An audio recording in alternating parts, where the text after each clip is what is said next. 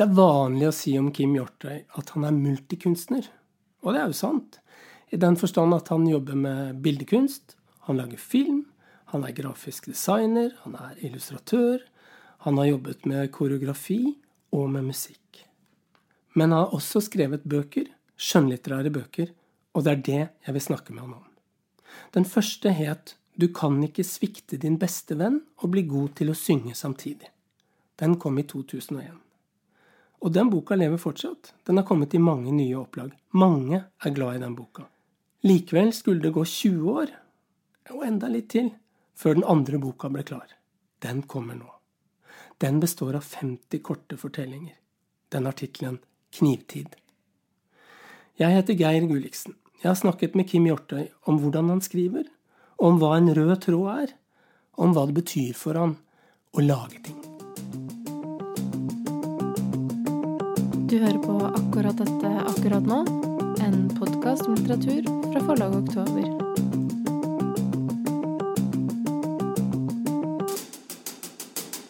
Hei, Kim. Hei, Geir.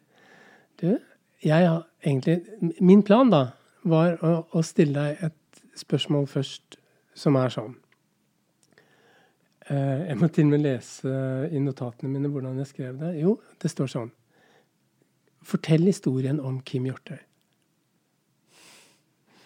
Det er et helt råttent spørsmål. Men liksom, hva slags Går det an?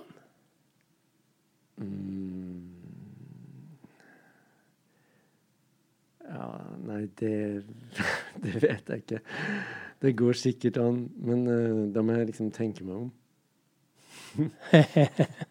jeg visste det. Jeg visste at det var et dumt spørsmål. Men, men grunnen til at jeg liksom gjerne vil stille den type spørsmål, er at uh, jeg tror Jeg tror det er noe med deg som, som jeg bare vil få tak på. Uh, og, og, det har, og, det har, med hvor bra du skriver, og hvor bra du lager ting, og, og sånn, som gjør at uh, Jeg vet ikke, Har ikke du det sånn innimellom at du blir fryktelig nysgjerrig på liksom, hvordan er den personen egentlig? Hvordan ser det livet ut? Eller du bryr deg ikke om sånne ting? Jo, jeg blir kanskje mer nysgjerrig på hvordan folk organiserer livene sine rent praktisk. Ja. Hvordan de jobber, og når de jobber, og Ja. Hvordan organiserer du livet ditt rent praktisk? um, dårlig, kanskje. Um, nei, jeg har et verksted som jeg går til, hvor jeg jobber nesten hver dag. Hvis ikke jeg jobber et annet sted. Men da vet du da Du vet hva du skal litt, liksom? Du vet, at, du vet om du skal male, eller om du skal skrive, eller? Ja, som regel. Noen ganger er det en slags blanding.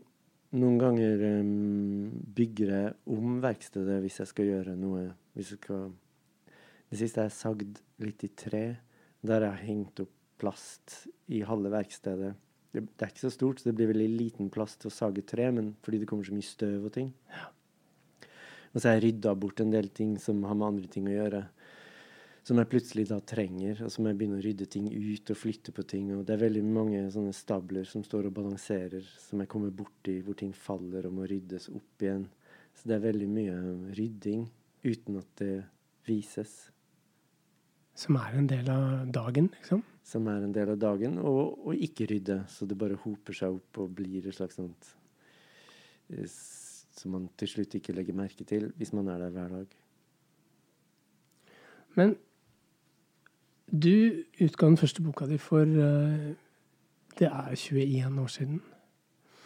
Den het uh, 'Du kan ikke svikte din bestevenn og bli god til å synge samtidig'. Det er en sånn tittel som jeg tror folk er veldig glad i. Mange, mange, er veldig glad i den boka i det hele tatt.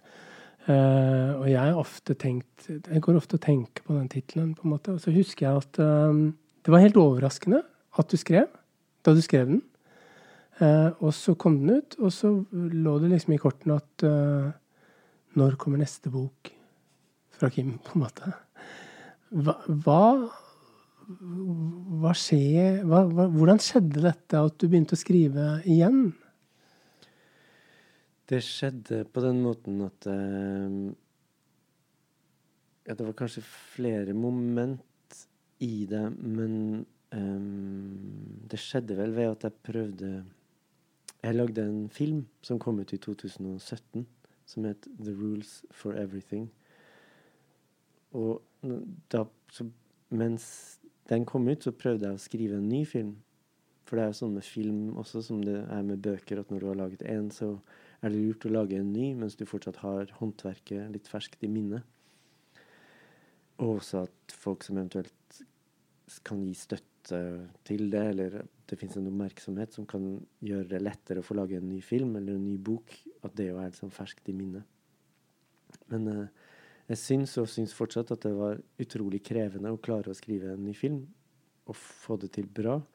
Så jeg skrev veldig mye og jobba mye med tekst Og kom på ideer som jeg ikke syntes funka som film, men som jeg likte å skrive. Og så gjorde jeg det mer og mer, og da ble det etter hvert til at jeg begynte å skrive små fortellinger, eller lagde liksom fortellinger av det. Men jeg tror det var også en annen moment at jeg tenkte mye på hva fortellinger var. Hva det er, og hva trengs for at noe skal være en fortelling.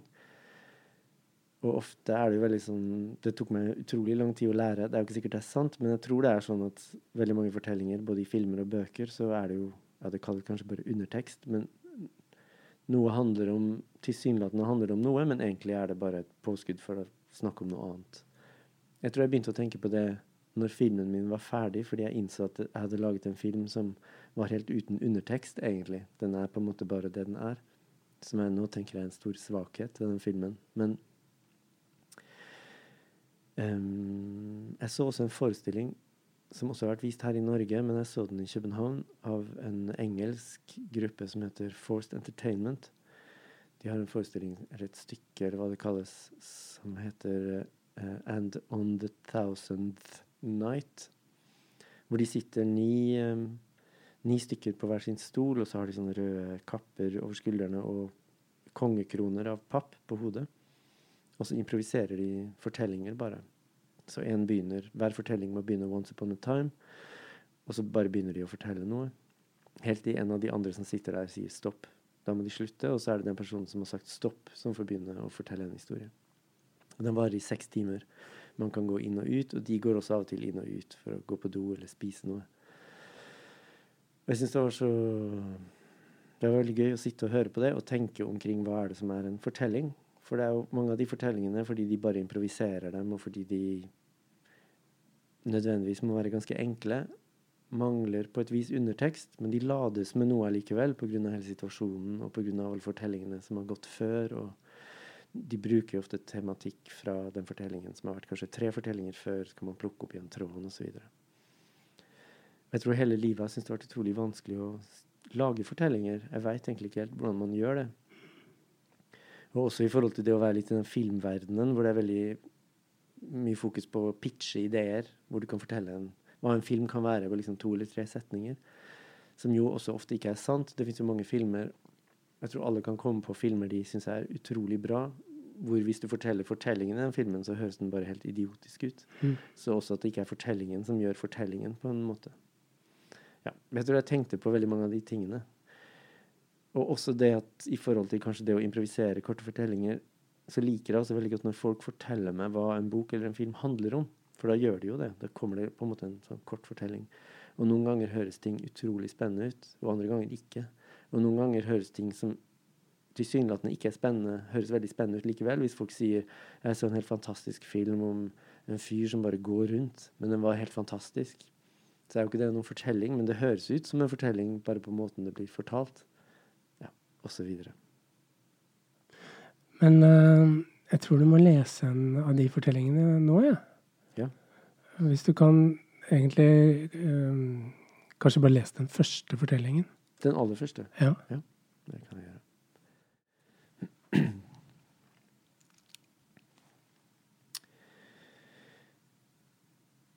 Hvor skal jeg begynne, sa jeg. Bare beskriv omgivelsene, sa Eduardo. Blir ikke det kjedelig, sa jeg. Begynn med en samtale, da, sa han. Mellom oss, sa jeg. Enten det eller en indre dialog mellom deg selv og noen andre, sa Eduardo. Er det ikke bedre å gå rett inn i handlingen, sa jeg. Som i en James Bond-film, sa Eduardo. Som i en James Bond-film, sa jeg. Det kommer kanskje an på hvordan du gjør det, sa Eduardo. Men det er sikkert bra at begynnelsen på fortellingen sier noe om hvordan hele fortellingen kommer til å bli. Det er jo på en måte det de James Bond-filmene gjør. Ok, sa jeg. Så jeg bør først bestemme meg for hvordan hele fortellingen kommer til å bli, og så la det bestemme begynnelsen? Ja, eller omvendt, sa Eduardo. Du bare begynner, og så lar du det som blir begynnelsen, bestemme hvordan det blir med resten. Eller jeg kan skrive en fortelling med bare begynnelser, sa jeg. Nei, det blir dårlig, sa Eduardo. Eller en fortelling som bare er en eneste lang begynnelse, sa jeg. Det blir også dårlig, sa Eduardo. Men det er bare begynnelsen, sa jeg. Begynnelsen på slutten, sa Eduardo. Slutten på alt, sa jeg. Ordet alt betyr ingenting, sa Eduardo. Ingenting betyr alt, sa jeg. Slutt, sa Eduardo. Alt, sa jeg. Hvis du sier alt en gang til, får du deg en på trynet, sa Eduardo. Veldig bra. Jeg tror at jeg fryktelig gjerne vil at du leser enda en med det samme. Er det ok? At du bare leser den neste? Jeg kan lese den neste. Kanskje du opplever at det er noe du har forstått, sa August, at du har fått en slags innsikt, eller bare at et spørsmål har vokst i deg. Samtidig forstår du at den innsikten eller det spørsmålet ikke er noe du kan si eller forklare på en alminnelig måte med bare noen ord eller et par setninger. Og da skriver du kanskje en fortelling i stedet, som heller bærer den innsikten i seg, eller det spørsmålet, eller i det beste fall er den innsikten, innsikten eller det spørsmålet, eller i det minste en slags levendegjøring av dem. Jeg så August inn i øynene og nikket og prøvde å lage et ansiktsuttrykk jeg, hadde sett folk ha på film når de blir fortalt noe alvorlig eller sjokkerende, eller noe plutselig går opp for dem. Men hva hvis det er motsatt, sa jeg. Hvordan motsatt, sa August. At du ikke forstår, sa jeg. At du helt mangler innsikt. At ingen spørsmål vokser i deg, og at alt i stedet bare føles helt greit, egentlig. Kan du skrive en fortelling av det òg? August så på meg. Jeg kan ikke det, sa han, men på måten du spør, får jeg en følelse av at kanskje du kan. Ja, sa jeg, jeg har faktisk tenkt på en sånn fortelling. Den handler om noen som går på kafé. Og så, fordi det skjer en slags misforståelse, får de seg et gratis ostesmørbrød. August nikket langsomt. Han smilte ikke. Og så er det ostesmørbrød bare kjempegodt, sa jeg. Og etterpå går de hjem til seg selv og sitter litt. August var stille i et par øyeblikk, og så sa han, litteratur kan være så mye. Det var det jeg tenkte først, sa jeg, men så ble jeg plutselig usikker. Takk skal du ha. Sånn begynner denne boka. Og det er liksom fortellinger om å fortelle fortellinger, ikke sant? Sånn som du snakka om. Det er mange, mange, fortellinger her om å fortelle fortellinger. Ja, det er ganske mye annet etter hvert òg, men det er liksom det som er eh, kanskje det som kommer igjen. Da. Jeg syns det er så utrolig gøy med sånne folk som kan bare sitte og si nei, det blir dårlig. Har du møtt sånne folk? Jeg tror jeg kan komme til å gjøre det innimellom. Dessverre. Ja. Har du vært i sånne situasjoner hvor man liksom prøver å lage en fortelling? Kanskje ikke en fortelling. Jeg har ikke vært i en situasjon hvor jeg prøvde å lage en fortelling. Jeg har vært i situasjoner hvor man lager forestillinger sammen. Ja. Og da er det jo ofte sånn. Ikke sant. Og man må ha litt høyt tempo, og noen kommer med et forslag. og Kanskje man ikke sier 'nei, det blir dårlig', men indirekte er det det man sier. Mm. Kanskje vi heller skal gjøre litt sånn, sier man. Eller For eksempel. Ja. Men du, jeg, jeg, lurer så veldig på det du sa om, eh, om undertekst. Um, for du sa den, at den filmen var uten undertekst. Det tror jeg kanskje at jeg ikke er helt enig i. Eh, og så, men jeg bare fortsatt at vi har det litt sånn surrende, for jeg vil Kanskje vi kan liksom komme, på en måte komme tilbake til det. For at uh, jeg forestiller meg at uh, det er lett å tenke om f.eks. de to tekstene som du leste nå også, mm. at de egentlig er uten undertekst. Ja. At de liksom bare handler om det de handler om. Mm. Um, men jeg tror de handler om noe mer, da. men det er en påstand, ikke sant? Og så kan vi se om vi på en måte finner ut av det. Er det OK? Absolutt. Ja, Da har vi en plan, på en måte. Har du gått på sånne skrivekurs? For det, det er jo en del, En av tekstene er liksom på et skrivekurs. Andre er sånne, i sånne situasjoner som dette. Har du gjort det? Jeg har ikke gjort det. Nei. Jeg har ikke gått på skrivekurs. Nei. For da hadde du ikke skrevet om det, antagelig? Eller? Nei, det kan være. Men det føltes naturlig i og med at så mange av fortellingene handlet Det er mange diskusjoner om det å skrive, og da tenkte jeg at skrivekurset er også en Eller forestiller jeg meg, da, en morsom situasjon i forhold til det. Ja. Hele den læringssituasjonen kommer jo også med mange sånne floskler og situasjoner som jeg innbiller meg at man kjenner igjen, da, eller som Ja, som ligger der. Det er eh, Jeg vil fryktelig gjerne at du bare leser enda en, jeg skjønner du. Jeg kan lese. Ja. De enkleste fortellingene er de beste, sa Ivo. Hva er en enkel fortelling, sa Mosse. En fange rømmer fra fengselet, sa Ivo. To venner forelsker seg i samme gutt eller i samme jente. Noen må overleve på en øde øy. Men det er ikke de historiene jeg vil skrive, sa Mosse. Jeg vil skrive noe som er mer åpent og har flere lag. To bakere, sa Ivo. Lag som kan leses på ulike måter, sa Mosse. De konkurrerer om hvem som kan bake det beste brødet, sa Ivo. En fortelling trenger ikke noen egentlig handling så lenge den er godt nok skrevet, sa Mosse. Så lenge det skjer noe i selve teksten. En gutt hjelper et esel, sa Ivo. En enkel fortelling som først virker dramatisk og medrivende når man leser den, kan vise seg å være tom og flat når man tenker på den etterpå, sa Mosse. En sjenert og ensom kvinne oppdager at hun har superkrefter, sa Ivo. Mens en fortelling som først bare virker komplisert eller forvirrende, kan komme til å brette seg ut som en svær sommerfugl inni hodet, sa Mosse. Det er mye viktigere at en historie er godt fortalt, enn at akkurat det og det skjer i den. En mann oppdager at det er mye viktigere at han er godt fortalt, enn at det og det skjer i ham, sa Ivo. En kvinne oppdager at mannen hun snakker med, egentlig ikke hører på noe av det hun sier, sa Mosse. En kvinne som heter Mosse, oppdager at hun alene kjenner historiefortellingens hemmelighet, sa Ivo. En mann som heter Ivo, snakker bort livet sitt med tomme ideer, sa Mosse. Men han blir veldig rik, sa Ivo. Ja vel, sa Mosse. Når skjer det? Og så bruker han pengene til å kjøpe seg venner som er enige med ham, sa Ivo. Så de er egentlig ikke ekte venner, sa Mosse.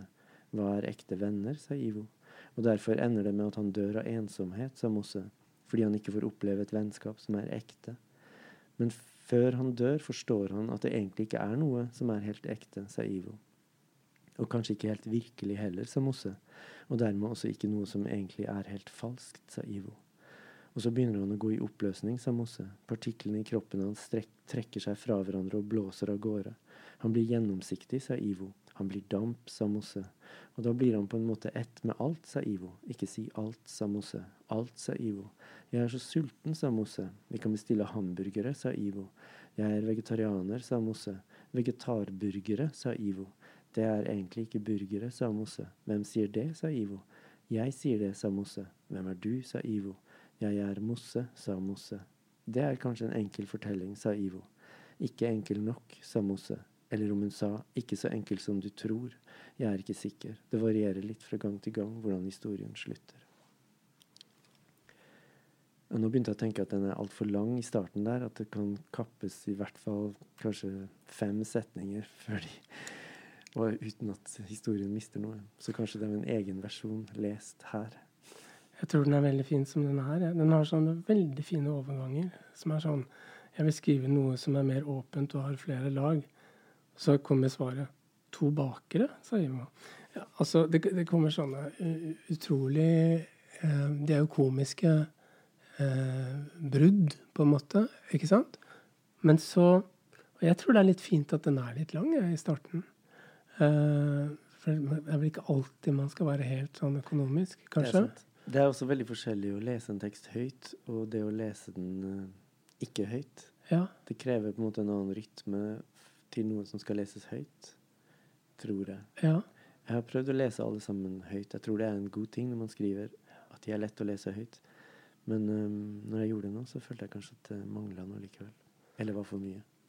Men um og så har den sånne Jeg bare motsier deg litt, jeg, egentlig. For så har den sånne plutselig uventede poetiske øyeblikk som en stor sommerfugl som bretter seg ut som en stor sommerfugl inni hodet. Ikke sant? Det, det er en veldig sånn Er ikke det en klisjé? Eh, nei, det er en slags poetisk eh, vits, nesten.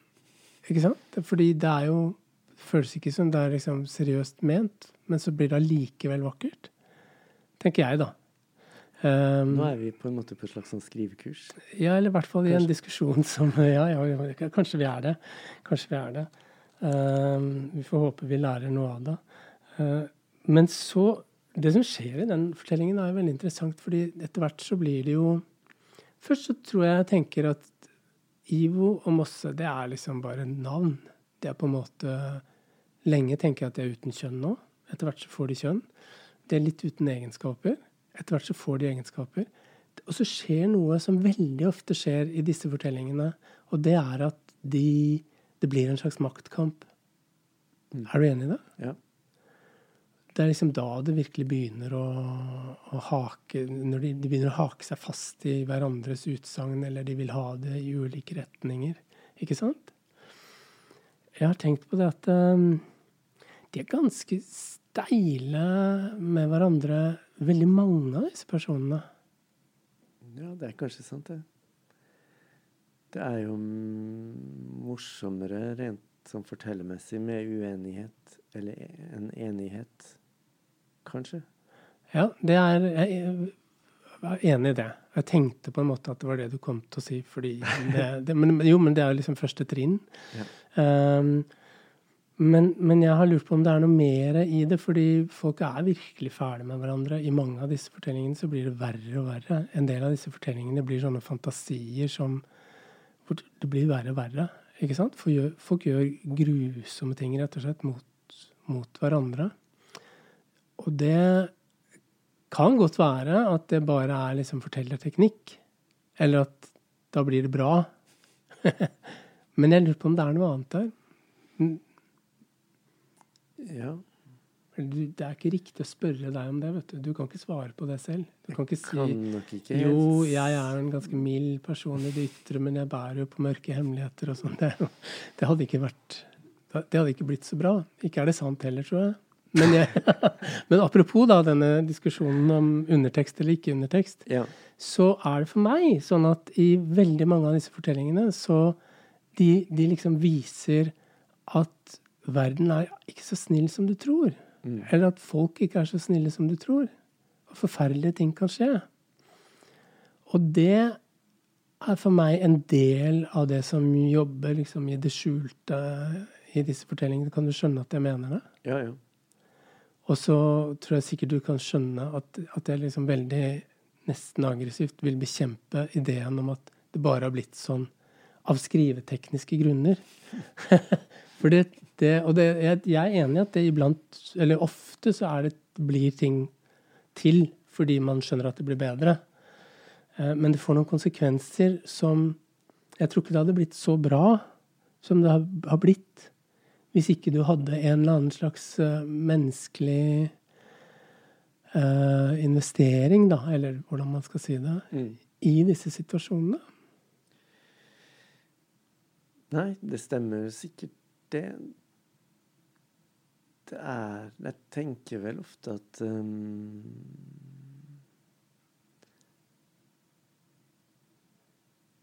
Jeg tenker vel ofte at um, Ja, hva skal jeg si Mange ting hele tiden kunne vært annerledes. Enhver situasjon er Enhver situasjon som er på en viss måte, er også et eksempel på det motsatte, hvis du skjønner. Ja. Um, ja.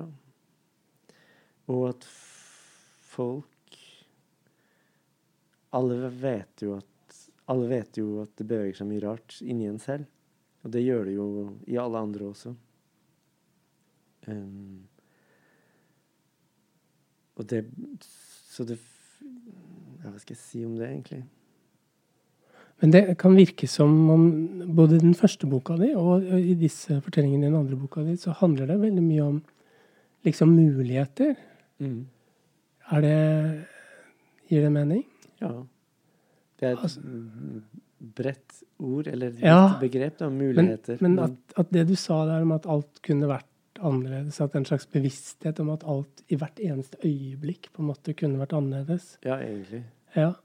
Og kanskje ikke bare annerledes, men også motsatt. hva nå det betyr, det syns jeg også er en interessant idé om at noe er motsatt noe annet. Ja. For det betyr at du velger deg noen Du velger deg liksom noen parametere, eller jeg vet ikke hva riktig ord blir, som du velger å sette opp mot hverandre i en eller annen situasjon, men det kunne jo også vært noe annet enn det som tilsynelatende er det motsatte, Ja. og likevel vært motsatt, hvis du skjønner. ja. Hvordan kunne denne situasjonen vært motsatt? Hvis Eh. dette var en tekst der vi er nå. Det mest åpenbare ville kanskje være at jeg intervjuet deg istedenfor at du intervjuet meg. Men det kunne også være motsatt, at du hatet denne boken og ville spørre hvorfor den var så dårlig, Ja.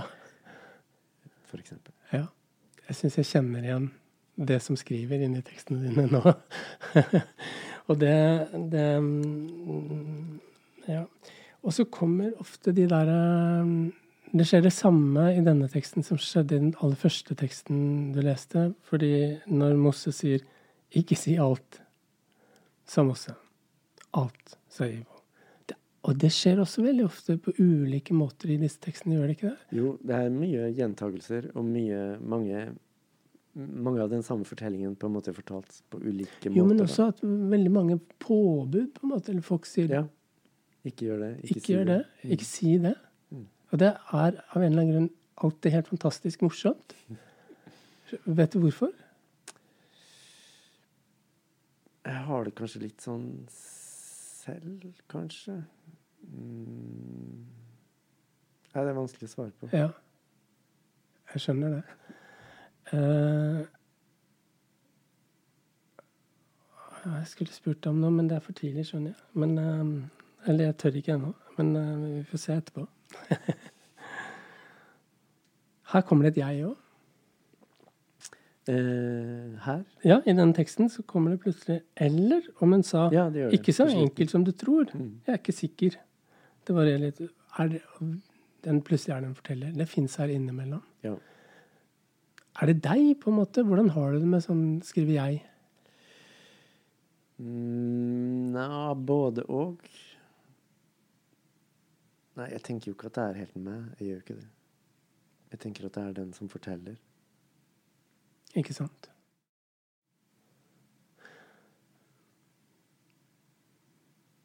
Det er Hva er liksom forholdet mellom disse tekstene og tegningene dine? Fordi denne boka kommer jo til å inneholde tegninger også. Mm.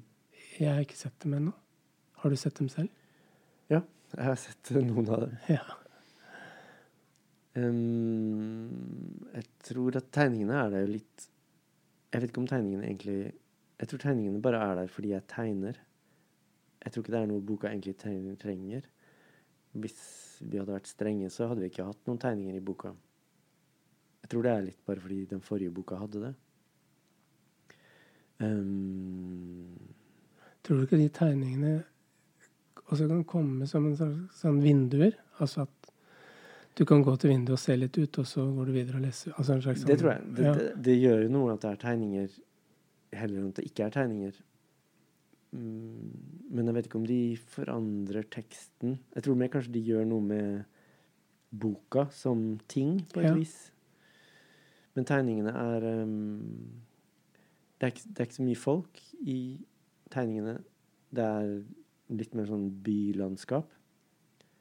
Um, jeg tenkte det var fint på en måte la folkene være i fortellingen, og så kan de liksom Det høres også ut som en klisjé, men liksom befolke de landskapene litt. Og så er det tegninger av bøker. Også fordi det snakkes så mye om bøker. Men også bare fordi jeg syns det er morsomt med ja, at det er en nivåfortell i tegningene også, som det også ofte er i fortellingene.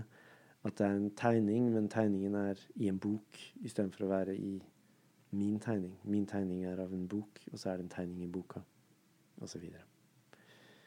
Um, ja. Det slår meg egentlig at Egentlig er det litt, litt rart at ikke det er flere bøker som har tegninger. ja, kan man si. Ja, jeg tror, det, jeg tror det, jeg er helt enig i at det, det ble naturlig å tenke det fordi her, fordi du er tegner, og fordi den forrige boka di hadde det, og det var så fint, ikke sant? Men, men i en, la oss si at man hadde en roman og ville ha tegninger innen den, så hva ville skjedd da? Jeg tror um, veldig ofte så ville folk tenkt dette er ikke en ordentlig roman. Mm. Eller noe sånt. Da jeg var barn, husker jeg at det var av og til bøker Jeg vet ikke hva det kalles. Er det en sjanger? Altså barnebøker som ikke er gjennomillustrert, men det var kanskje én tegning per kapittel osv. Jeg husker også når jeg var barn at man liksom bladde gjennom en bok for å se om det var tegninger. Og hvis det ikke var tegninger, da var den bare helt verdiløs. Det var den meningsløs. Det var bare å hive. Men um, det har jo vært en del bøker, og det er jo mange bøker som har fotografier i seg. Har det jo vært en del av. Ja, det har kommet sånn langsomt. Ja, kanskje mer bøker som ligger Som også har blitt mer og mer de siste årene, føler jeg, som er, ligger mellom det å være fiksjon og være essay, kanskje litt. Har oftere fotografier i seg. Bøkene til Sebald er jo kanskje en satt i gang litt. Det er mulig, det. Altså. Akkurat som Thomas Bernhard Mm. satte i gang bruken av kursiv, antagelig. Ja. Når var det du tegna første gang? Kan du huske det? Nei, det har jeg bare gjort hele livet, tror jeg. Ja. Det er en sånn enkel fortelling, det der. Det er ikke en sånn du bare, Alle barn tegner, og så slutter de fleste, men du bare fortsatte. Det er ikke noe sånn Jeg hadde lungebetennelse Nei, og lå på sykehus og måtte Ja. Ja, nei, jeg har ikke det. Nei, Nei. det skulle jeg hatt. Jeg ble fortalt ganske ofte når jeg var liten at jeg var flink til å tegne. Mm. Det var mange ting jeg ikke var flink til, så jeg tror jeg på en måte holdt, holdt fast i det. Jeg var dårlig i sport og dårlig i matte og dårlig i masse sånne ting. Mm. Det var lurt å fortsette å tegne da. Ja, samtidig var det liksom pinglete ting å drive med. Og, Ja, ja. Men eh, Men det plager deg ikke nå, liksom, som voksen, eller? det har plaga meg litt i forhold til å jobbe med tegning at det er vanskelig å slippe den der ideen om å være i hermetegn flink til å tegne. Ja. For det kan ofte være en hemsko når du skal jobbe mer voksent. Um, ja. Så det Jeg kan synes at det kan være en hemsko av og til.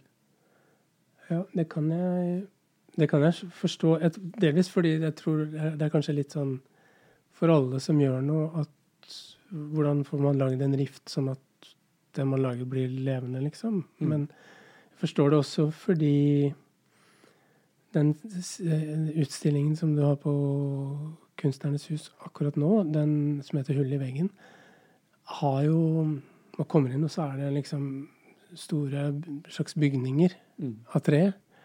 Og så går man inn i dem eller bort til dem, og så er tegningene der, og de er veldig sånn Enkle. enkle. Er det å Men det å Jeg har hørt folk snakke om det, det kanskje særlig tegningene dine, da, som sånn At de er liksom barn, barnaktige, på en Mm. måte. Hva Du ville ikke sagt det selv? Jo, jeg kan godt si det. Det der er der liksom alltid. Og det å føle seg som en sånn y... En sånn ikke bra ting på et eller annet vis. Å lage ting som er barnlige, eller i verste fall barnslige, eller som kan virke enkle, og alt det der. Og det er jo noe som henger igjen, tror jeg, fra en sånn assosiasjon også med Erlend. Som skrev 'Naiv super'. Også det ordet 'naiv'. Og han får også alltid høre det, siden at alt han skriver, er alltid naivt. Og det er som en sånn derre En sånn uh, stempel fra helvete som aldri forsvinner. Men jeg ser jo at mange av de tingene jeg lager, har om ikke noe naivt, så noe mer som barnlig beslekta eller barnslig beslekta i seg. Um, så det tror jeg bare jeg må gi opp og på en måte prøve å komme Da blir det mer barnslig å prøve å late som de ikke har det, enn å erkjenne at det er sånn. Og jeg liker jo veldig godt det som på engelsk og litt sånn dårlig og sikkert politisk ukorrekt kalles outsider art. Altså kunst som er laga av folk uten utdanning, eller som ikke da i hermetegn ikke kan tegne. Det har jo ofte en kvalitet som jeg syns er, som er bra. Um, ja, så det er vel noe med det, da. Et uttrykk som kanskje vil mindre, eller som er enklere, eller som tillater seg noe. Uh, ja, som jeg, som jeg er tiltrukket av. Mm. Det passer veldig godt å lese nå, tror jeg. ja. Ja. Kan du lese den teksten som starter med ordene 'Det ble bestemt at et nakent barn' Det ble bestemt at et nakent barn skulle lenkes fast nede i en av jordkjellerne under regjeringskvartalet i om lag et år. Barnet fikk hundemat en gang om dagen, og ellers var det alene. Et kamera ble koblet opp som strømmet video døgnet rundt. Reaksjonene var umiddelbare. Den første uka ble det meldt om halvparten så mange voldshandlinger som vanlig. Ikke bare gikk alkoholmisbruket ned, men også alminnelig alkoholforbruk og forbruk generelt. Tempoet i gatene ble langsommere. Alle snakket om det lille barnet og hvor mye det led, og bekymret seg for om det ville klare vinteren. Folk begynte å lytte og ta bedre vare på hverandre, samtidig som de sov dårligere og spiste mindre. I hvert fall i en periode. Da vinteren kom, gikk det meste tilbake til slik det hadde vært. Renten steg igjen, en minister hadde misbrukt sin stilling, og volden og voldtektene var igjen der de pleide å være. Ingen snakket lenger om det nakne barnet i kjelleren. Så på vårparten ble det bestemt at tre barn til skulle lenkes fast, i tillegg til et eldre ektepar og et esel, og at både dyr og mennesker skulle tortureres jevnlig. Effekten av dette viste seg å vare litt lenger. Nå tok det opp mot to år før folk begynte å glemme. Samtidig fikk det andre ringvirkninger. Antallet depresjoner og selvmord i befolkningen økte, i tillegg til jevnlige og til tider brutale angrep på ansatte i stat og kommune. Da tiden så igjen var inne for å vurdere en ny økning i omfanget, denne gangen var forslaget et barn med Downs syndrom og tre bjørnunger, ble det i stedet bestemt at tiltaket skulle legges ned. Bare videostrømmen fikk ligge oppe. Den viste nå bare en tom kjeller som en liten påminnelse om det som hadde vært.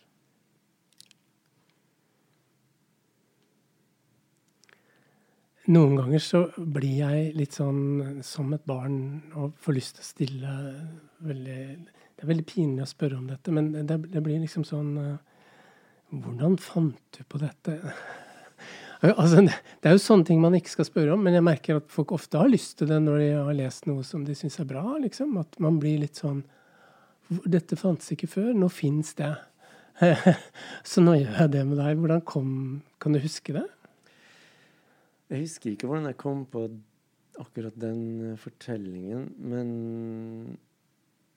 um, Det er jo ikke en sånn kjempeoriginal idé i seg selv. Det fins mange andre fortellinger. Det er sikkert sett eller lest om noe sted. at man, Og det skjer jo i politikk hele tiden. At man finner på noe, noe som får veldig mye oppmerksomhet for å dekke over noe annet som vi kanskje egentlig burde bry oss mer om. Men men det var en periode hvor jeg var veldig inne i å skrive disse fortellingene, hvor, jeg, hvor det sånne ideer bare dukka opp ganske jevnlig. Det er vel ofte i samtale med folk, tror jeg, eller man leser noe eller ser noe. Um, hvor jeg tenkte mye sånn Det kan bli en sånn fortelling, og det kan bli en fortelling til. Og Det var liksom en periode hvor det skjedde ganske ofte, og så begynte det å dabbe av når jeg begynte å skrive de ut. Og så kan det jo ofte være sånn når man skriver, og også når man gjør andre ting, at det å jobbe avler ideer i seg selv.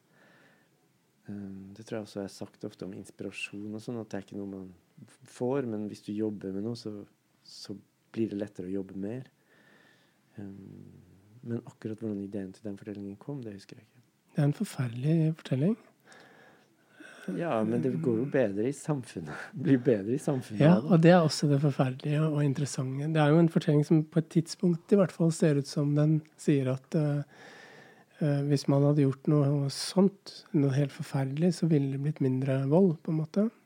Men etter hvert så virker det jo ikke, da. Nei, og det er jo ingen som tror akkurat det. Tror, ikke sant? Men det føles en stund mens man leser den, som om det avdekkes en forferdelig sammenheng som man helst ikke vil at uh, skal være der, på en måte. Mm. Og så er det noe med å sette sammen elementer som er veldig interessant uh, hos deg, syns jeg. Det der Først er det nakent barn, og så er det flere barn. Og så kommer det øyeblikk med i tillegg et eldre ektepar og et esel. Hva er det der? Det er et fantastisk øyeblikk. Det er vel Det er jo en del esler i boka. Det handler vel om en Jeg forestiller seg det der med at man prøver å lage en slags god blanding av noe, eller, eller hvis hvis det er barn det, det, er kanskje mange som vil reagere på det barnet og det eldre ekteparet, men vi må også få med oss de andre. De som er mer opptatt av dyr. Hvilket dyr skal vi velge? Esler jeg, Helt siden jeg var barn har jeg alltid syntes esler virker så sårbare. De ser så lei seg ut. Og det der eselet i um, Ole Brumm som alltid er lei seg. Og, ja, så es, esel. Mm. Det er jo som et slags litt sånn annenrangs dyr, føler jeg. Mm. Det er ikke en hest, det er ikke en ponni, det er ikke en sebra. Det er liksom mindre verdt, kanskje. Altså sikkert ikke egentlig, men Jeg har lurt på noen ganger om det er liksom Er det noe du Når du lager ting, eller skriver ting, eller sånn um, no, Hva er det du prøver å unngå? Eller altså, jeg mener ikke sånn, altså, men i det du lager det er, det er noen regler på gang, ikke sant? Går det an å si noe om det? Det, det Fins det noen regler? Fins det noe du liksom Jeg må ikke dit, jeg må ikke dit, jeg skal ikke gjøre sånn. Jeg syns det er veldig vanskelig å skrive godt. Å ha sånn godt og drivende språk. Så jeg, mer enn at det er noe jeg ikke skal, så prøver jeg å få til det. Å skrive enkelt. Ikke ha liksom for lange og kompliserte setninger. Og det vet jeg ikke helt hvordan man gjør. Jeg syns det, jeg det er vanskelig å lære å gjøre det. Det tar lang tid. Og må skrive om ting mange ganger. Liksom å, og når jeg skriver, når jeg går gjennom teksten andre eller tredje gang, så kan jeg bli helt eh, Jeg syns det er sjokkerende hvor mye liksom, slagg det er inni der som, som kan tas ut. Um, men jeg og det her er sikkert helt urimelig å si, men jeg kan oppleve noen ganger at det også fins en slags sånn Ja, det nevnes vel også inni boka et sted, et slags sånn det norske romanspråket. som som sikkert ikke fins, men jeg kan noen ganger innbille meg at det fins hvis jeg er i en bokhandel eller er på bibliotek og blar litt sånn i Man kan bla liksom i ni forskjellige norske romaner liksom på rappen, så føles de så like. Og det er så veldig urettferdig å bare lese liksom fem setninger og dømme en bok pga. det. Men jeg, jeg, jeg, ønsker vel å ikke skrive med det språket, da, kanskje. Som igjen kanskje er et språk som ikke fins, annet enn i mitt hode. Men det holder, det, til at jeg vil prøve å unngå det. Normalprosaen, liksom? Ja, og det er også noe kanskje med en sånn type situasjon, eller en type sånn indre stemme, eller nesten en type karakter som går igjen i romaner, kan jeg ofte føle som gjør meg helt sånn trøtt og sliten og tenker at man skal ikke skrive bøker i det hele tatt, for det blir bare det hver gang. Ja. Er det, noe, en, er det liksom én bok eller én forfatter som har hatt betydning for deg mens du skrev dette? Um, nei, ikke sånn språkmessig, tror jeg. Jeg leser også veldig lite bøker på norsk. Det høres sikkert helt sånn arrogant og ekkelt ut, men uh, Og det veit jeg ikke helt hvorfor det har blitt sånn. Så jeg hadde ikke sånne Så jeg leser veldig mye på engelsk. Og da det synes jeg også var, da var spent, det er liksom bein for meg selv, for jeg har så lite å gå etter sånn rent norskspråklig også. Har du noen forbilder, liksom? Jeg har ingen forbilder som jeg med rimelighet kan liksom sammenligne meg med, eller tror at jeg kan leve opp til. Men um, jeg har lest Jeg var veldig glad fordi den trilogien til Kotzi, som han skrev til det siste, som har titler med Jesus, bar, Jesu barndom, Jesu, som aldri handler om noen som heter Jesus, men som handler om en liten gutt som heter David, tror jeg. Hvor det hele tiden gjentas at han heter egentlig ikke David, osv. Um, og det er vel særlig en, en, bit av de bøkene som jeg syns er fantastisk, som handler om Don Quijote, hvor de leser en barneboksversjon av Don Quijote for det barnet. Og det barnet tar parti med Don Quijote i forhold til hans forestillingsverden, og ikke vil være med på den eh, Hva blir det Overenskomsten som er mellom oss og Cervantes og Sancho Panza om at Don Quijote bare forestiller seg alt. Selv om han leser samme bok som alle oss andre, så sier han at nei, men det er dere som tar feil. Det er Don Quijote som har rett. Og det er liksom ja. Hvor det skjer noe rart Og så bruker også Kotzi Borges i det, fordi Borges har skrevet en tekst om en fiktiv versjon av Don Quijote som er helt lik Don Quijote, men er skrevet av noen andre. Noen som heter Benengeli. Og det bruker også Kotzi på å skrive at det er Benengeli som er forfatteren av den. Ja. Så det handler om sånne lag av fortellinger i fortellinger hvor man posisjonerer seg i forhold til en fortelling. Så når jeg leste det første gang, så, ja, som jeg syntes var helt fantastisk, og som tillot et eller annet, eller som åpna for et eller annet som jeg ikke hadde tenkt ordentlig gjennom før jeg leste det.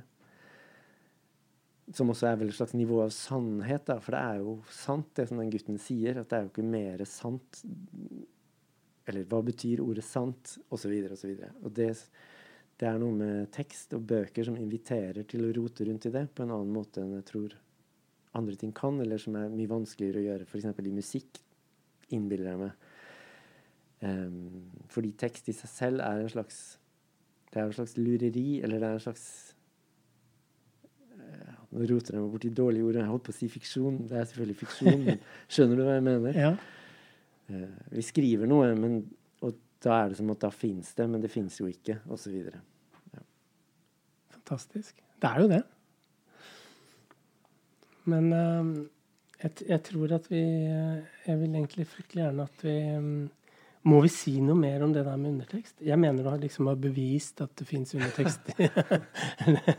men, men, men, det er veldig dumt hvis man ikke har fått med seg det poenget at jeg på en måte har bevist det. Hva er undertekst?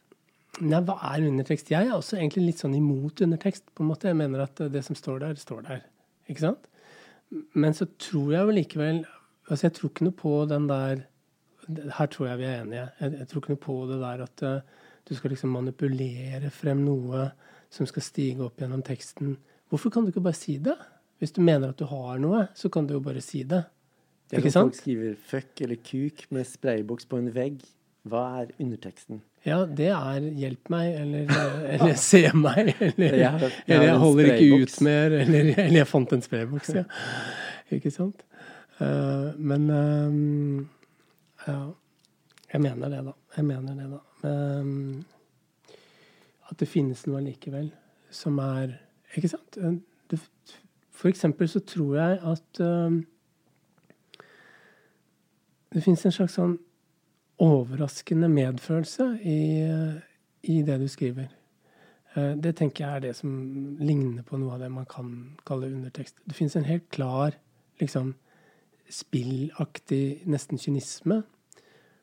Ikke sant? Forferdelige ting skjer, forfatteren har det moro med at det skjer forferdelige ting, og leseren er med på det. Det er kjempefint. Og så kommer sånne plutselig brå eh, innkast, eller altså oppdagelser, på en måte, av Eller følelser, da. Av, av at Oi, liksom. Litt som når du snakket om, om esler i stad. Ja. Så stiger det plutselig frem noe som aldri står på siden, men som, som, er en veldig viktig del av teksten, på en måte. Ja. Du snakka jo mye om det når vi redigerte boka også. For det var jo noen steder hvor det ikke kanskje var så tydelig til stede. Hvor du ba meg om å hente fram det mer. Um, så du mener at du blir manipulert nei, frem Nei, jeg tror at det er der, men jeg tror at jeg kanskje ikke er så oppmerksom på det. Eller at jeg ikke ser det helt selv, da. Kanskje. Jeg vil fryktelig gjerne at du leser en tekst helt til slutt. Ja. Uh, jeg hadde fått bakeren mot meg, er det en som heter. Ja. Den kan jeg lese. Skal vi se. Jeg skal bare finne den her. Bakeren. Um, skal vi se her. Um, Jeg hadde fått bakeren mot meg og elektrikeren og noen av landmålerne og et par av de fra verftet, så nå gjaldt det at i det minste melkemannen var med meg. Helst også medlemmene i telleklubben. Hvis ikke risikerte jeg å bli B-listet til høstsamlingen. Bare uka før hadde jeg fått dørvaktene mot meg rett etter tyveriet på rekvisittlageret. En, en, forvalter jeg hadde flørtet litt med, hadde først sagt at hun var med meg, men så gitt uttrykk for at hun kanskje ikke var det likevel. Kom igjen, sa jeg oppgitt, jeg trenger deg.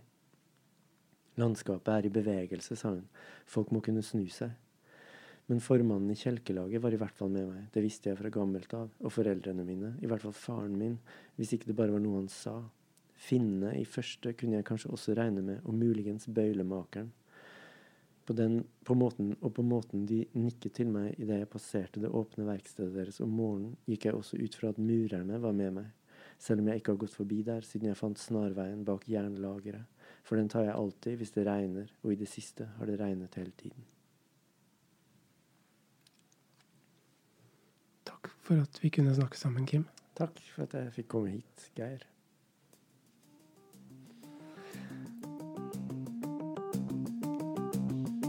Lytt til flere episoder av akkurat dette akkurat nå, der du hører på podkast.